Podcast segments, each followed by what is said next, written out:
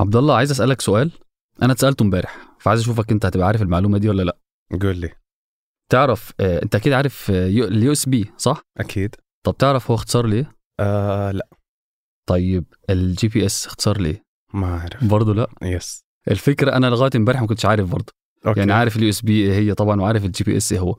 بس اللي لفت نظري إن في اختصارات كتير إحنا بنستخدمها يوميا وعارفين معناها مباشرة. بس أغلب الأوقات ما نعرفش أساسها أصلا ولا تعريفها. اللي لفت نظري كمان آه، سمعت انت قبل كده عن كلمة scuba diving صح؟ أكيد أيوة. سمعتها كتير. سكوبا دي أساسا هي مش مش كلمة. سكوبا دي كلها اختصار. okay. يعني دي كانت أول مرة أعرفها أصلا. هي اختصار ل self containing underwater breathing apparatus يعني اللي هو جهاز التنفس تحت الماء الذاتي أو بتاع. okay. فبجد الواحد بعد كده لازم لما يجيله كلمة آه، ما ياخدهاش كده ويتعامل بيها إلا لما يعرف أصلها ويعرف معناها ويعرف هي بتتقال إزاي. طيب إيش رأيك باختصار شين نون داء شين نون دال؟ أيوه. لا ما إيه اختصار ده. إيش رأيك نبدأ؟ يلا.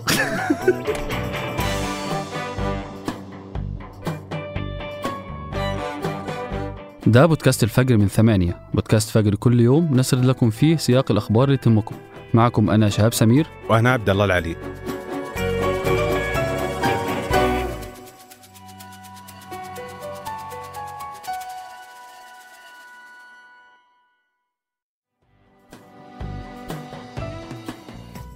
قبل سبع أيام نشر سيليكون فالي بانك المتخصص بقطاع التكنولوجيا تغريدة بيفتخر فيها بتصنيفه من قبل فوربس كواحد من أفضل البنوك الأمريكية.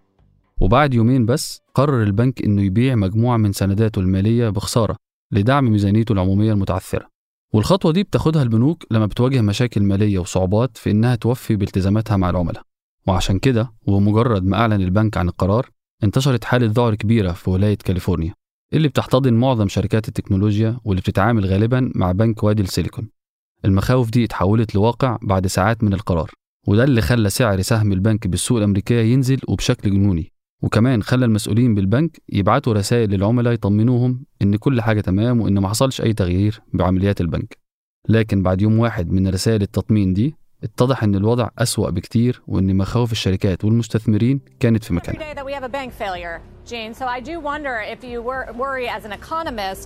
about potential spillover effects, e- even if even if it is unique in terms of. Right.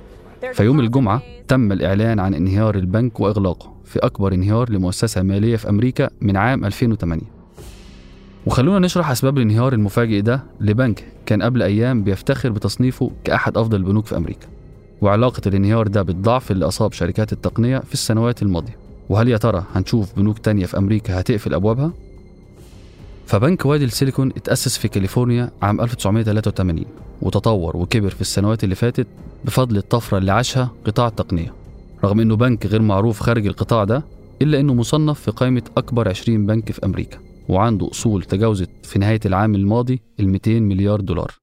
وأهمية البنك نلاحظها في حجم الشراكات اللي عملها خلال السنين اللي فاتت. فالبنك دخل في شراكة مع نص شركات التكنولوجيا والرعاية الصحية في أمريكا. وعشان كده لما انهار طلعت وزيرة الخزانة في أمريكا بتطمن الشركات والناس إن نظام البنك آمن وإن بقية البنوك مش هتتأثر بانهيار بنك واحد. ومع ذلك وده يعني إن إغلاق بنك وادي السيليكون ملوش أي أثر ملموس على شركات التكنولوجيا والأفراد. فأكثر المتضررين النهاردة هم الشركات الناشئة واقتصاد وادي السيليكون اللي كان بيعتمد على قروض البنك لتمويل المشاريع الجديدة. ودلوقتي أصبح الكثير من أصحاب الودائع مش قادرين إن هم يسحبوا فلوسهم وبعضهم في دول خارج أمريكا زي بريطانيا مثلا. إلا إن الشيء الإيجابي إن البنك تم إغلاقه بسرعة وأصبح تحت تحكم مؤسسة تأمين الودائع الفيدرالية. والمؤسسة دي اللي بمجرد ما تدخلت ووضعت البنك تحت حراستها القضائية أصبح المسؤولين بالبنك ممنوعين من اتخاذ أي إجراء ممكن يخلي الوضع أسوأ ويضر العملاء. وبكده هتشرف المؤسسة الفيدرالية على تصفية أصول البنك وتسليم المودعين في البنك والدائنين فلوسهم وسرعة تدخل المؤسسة ساعدت الشركات والأفراد اللي عندهم مبالغ في البنك لا تتجاوز ال 250 ألف في إنهم يوصلوا لأموالهم بسرعة وسهولة. أما بالنسبة بقى للمبالغ الأكبر فإن أولوية تسليم المبالغ دي هتكون أولا لأصحاب الودائع المؤمن عليها. وبعد كده هتتنقل المؤسسة لخيار بيع أصول البنك للوفاء بالتزاماته تجاه الأشخاص والشركات اللي ودائعهم غير مؤمنة. طيب وش أسباب انهيار البنك شاب؟ ده هيفضل السؤال الأبرز اللي هو إيه اللي يخلي بنك بحجم بنك وادي السيليكون يوصل للانهيار بطريقة مفاجئة وسريعة؟ البعض بيقول إن تقديم البنك قروض لشركات التكنولوجيا الناشئة وذات المخاطر العالية إضافة إلى الانفتاح على سوق العملات هو أحد أسباب الفشل المالي الأخير. لكن نيويورك تايمز كان عندها رأي تاني فالصحيفة بتقول إن انهيار SVB اللي هو البنك كان نتيجة لتراكمات وقرارات خاطئة في الماضي. ما أخدتش في الاعتبار المتغيرات الاقتصادية اللي ممكن تحصل بالمستقبل. وعشان نفهم الأمور صح خلونا نرجع لسنة 21 لما ساعتها انخفضت أسعار الفايدة وقربت توصل للصفر واللي حصل وقتها حاجتين. الأولى إن قطاع التقنية انتعش فبالتالي استقبل البنك ودائع كبيرة من الشركات. والتاني هو إن البنك أخذ المبالغ دي واستثمرها في سندات طويلة الأجل. والاستثمارات دي كان البنك بيشوفها خالية من المخاطر بالنظر لسعر الفايدة المنخفض ساعتها. لكنها أصبحت أكثر خطورة لما ارتفعت أسعار الفايدة سنة 22 وقلت قيمة السندات دي. ومع سحب الشركات أموالها من البنك لسد احتياجاتها وقلة الاستثمار في قطاع التقنية ساعتها اضطر البنك إنه يبيع بعض سنداته بخسارة للوفاء بالتزاماته المالية. واللي زاد الطين بلة هو فشل البنك في توضيح المشكلة اللي بيواجهها. فالبنك كان قادر إنه يبيع السندات بهدوء من غير ما يحصل أي انهيار إلا إن سوء التواصل مع الشركات أثار حالة من الذعر وبدأت صناديق الاستثمار الجريء تطلب من الشركات الناشئة إنها تسحب أموالها من البنك. وعلى مستوى الاقتصاد الأمريكي أثار سقوط بنك وادي السيليكون مخاوف من تكرار الأزمة المالية في 2008 وهي الأزمة التي عرفت باسم أزمة الرهن العقاري. فحادثة انهيار هذا البنك هي الأولى بعد 15 سنة من الأزمة المالية. ويتخوف الخبراء من إمكانية تأثير هذه الأزمة على البنوك الأمريكية الثانية خصوصا وانه يتزامن مع ضغوط كبيرة. الضغوط الكبيرة هذه خلفتها سياسات التشدد النقدي ورفع أسعار الفائدة من الفدرالي الأمريكي واللي بسببها ارتفعت نسبة التضخم وكلفة الاقتراض. ولكن إجمالا يعتقد الخبراء أن البنوك الأمريكية عندها القدرة على احتواء هذا النوع من المخاطر وأنها يمكن تمتص تداعيات انهيار هذا البنك بكل سهولة ويرجع هالشيء لمتانة القطاع المصرفي الأمريكي. ولكن هذا ما يعني أن كل البنوك في مأمن.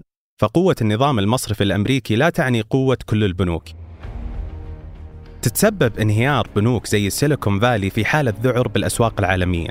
بدأت تأثيرات انهيار البنك تظهر بشكل واضح على الشركات خصوصا شركات التقنية والعملات الرقمية. فعملة USD Coin المشفرة والمرتبطة بالدولار الأمريكي فقدت جزء كبير من قيمتها وتراجعت لأقل مستوى لها يوم السبت الماضي. وهذا لأن الشركة المالكة لهذه العملة عندها ودائع في بنك ال Silicon Valley تتجاوز قيمتها 3.3 مليار دولار. وهذا بحسب بلومبرج مثال صغير لحجم التأثير اللي ممكن يوصل لقطاعات كثيرة. وذكر الخبراء أنه في عواقب سيئة رح يشهدها وادي السيليكون. وأيضا اقتصاد قطاع رأس المال الجريء ككل. وإجمالا ما اقتصرت تداعيات البنك على أمريكا فهي وصلت لدول وأسواق ثانية. في بريطانيا أعلنت وزارة المالية وبنك إنجلترا عن احتمالية تأثر شركات التكنولوجيا البريطانية كون في مصالح ما بينها وبين بنك السيليكون فالي. وفي أماكن ثانية من أوروبا خسرت بعض البنوك أسهمها في أسواق التداول بسبب علاقتها مع البنك. أما في أمريكا الشمالية فخسرت أكبر البنوك الكندية أسهم قيمتها تتجاوز 14 مليار دولار. وهذا من قيمتها السوقية خلال جلسات التداول الأربع الماضية. وفي آسيا تراجعت أسهم البنوك نتيجة هذه الأزمة. ولكن بحسب الخبراء يتوقع أن المنطقة سوف تواجه مخاطر محدودة. ويرجع السبب للنمو المرتفع وتنوع قاعدة العملاء في البنوك باعتبارها ليست مقتصرة على شركات التقنية أو قطاعات بعينها. وأيضا قوة وتنوع الأصول هذا من ناحية التأثير على الاقتصادات والدول. طيب كيف بيتأثر السيليكون فالي في المستقبل؟ على مستوى قطاع الشركات التقنية فالتأثيرات عليها لها وضع مختلف. فكثير من الشركات الناشئة في مجال التقنية عندها ودائع وأصول في هالبنك. وهذه الشركات كانت تستخدم خدمات البنك لدفع رواتب الموظفين. ومع انهيار البنك احتمال تشهد الشركات تحديات في دفع الالتزامات المالية لموظفينها. فالبنك المنهار كان يحتفظ بودائع من شركات التقنية قيمتها تتجاوز 175 مليار دولار. و93% من هذه الودائع للأسف غير مؤمنة. وهذا يعني أن آلاف الشركات في قطاع التكنولوجيا المتصلة بشكل مباشر أو غير مباشر بوادي السيليكون ما راح تتمكن من الوصول لودائعها بسهولة وراح يأثر هذا على توفر السيولة النقدية للشركات التقنية. فمن الطبيعي أنها ما راح تقدر تغطي نفقاتها أو مصاريف التوسع. هذا كله بحسب الخبراء ممكن يقود لتداعيات مأساوية ويجبر مئات الشركات التقنية على الخروج من السوق. وقبل ما ننهي الحلقة دي أخبار على السريع. للمرة الأولى في التاريخ بتطلق شركة ريلاتيفيتي سبيس الأمريكية الأسبوع الجاي أول صاروخ مصنع بتقنية الطباعة ثلاثية الأبعاد واللي هيكون تصنيع الصواريخ من خلالها أسهل وأقل تكلفة بالمقارنة مع طرق التصنيع العادية السابقة. واللي بيأكد ده هو إن عدد القطع في النوع ده من الصواريخ أقل من 100 مرة من الصواريخ التقليدية وبيحتاجش إلا 60 يوم بس لبنائه. وبحسب المختصين فإن نجاح التجربة دي يعني تطور جديد مهم بقطاع الفضاء وبيكون تأثيره واضح على عمليات صناعة الصواريخ الحالية. وفي تقرير جديد لصندوق النقد الدولي فإن مؤشر أسعار الغذاء العالمي هبط 20% تقريبا من قمته اللي وصلها في مارس السنة اللي فاتت. ورغم الانخفاض ده إلا أن المؤشر لغاية دلوقتي أعلى من قيمته قبل ما تبدأ الحرب بين روسيا وأوكرانيا السنة اللي فاتت واللي كان انعكاسها على أسعار الغذاء بالعالم من أهم آثارها اللي وصلت لمختلف دول العالم وبالتحديد الدول غير المستقرة. اللي بيقول التقرير إن أكثر من مليار إنسان من سكانها هم الأكثر تأثرا من أزمة الغذاء الحالية. وبعد سنة استثنائية لقطاع النفط وصل فيها سعر البرميل لأكثر من 120 دولار أعلنت أمس أرامكو عن نتائجها المالية للسنة اللي فاتت 2022 وبحسب بيانها قدرت أرامكو تحقق في السنة دي أعلى أرباح سنوية ليها من وقت إدراجها بسوق الأسهم قبل أكتر من ثلاث سنين واللي وصلت لأكتر من 600 مليار ريال واللي بتعتبر أكتر من مجموع أرباح أكبر أربع شركات نفط بالعالم بعد أرامكو. وفي البيان أعلنت أرامكو إنها هتوزع 73 مليار ريال كأرباح عن الربع الرابع بالسنة اللي فاتت وهيتم توزيعها خلال الربع الأول من السنة دي.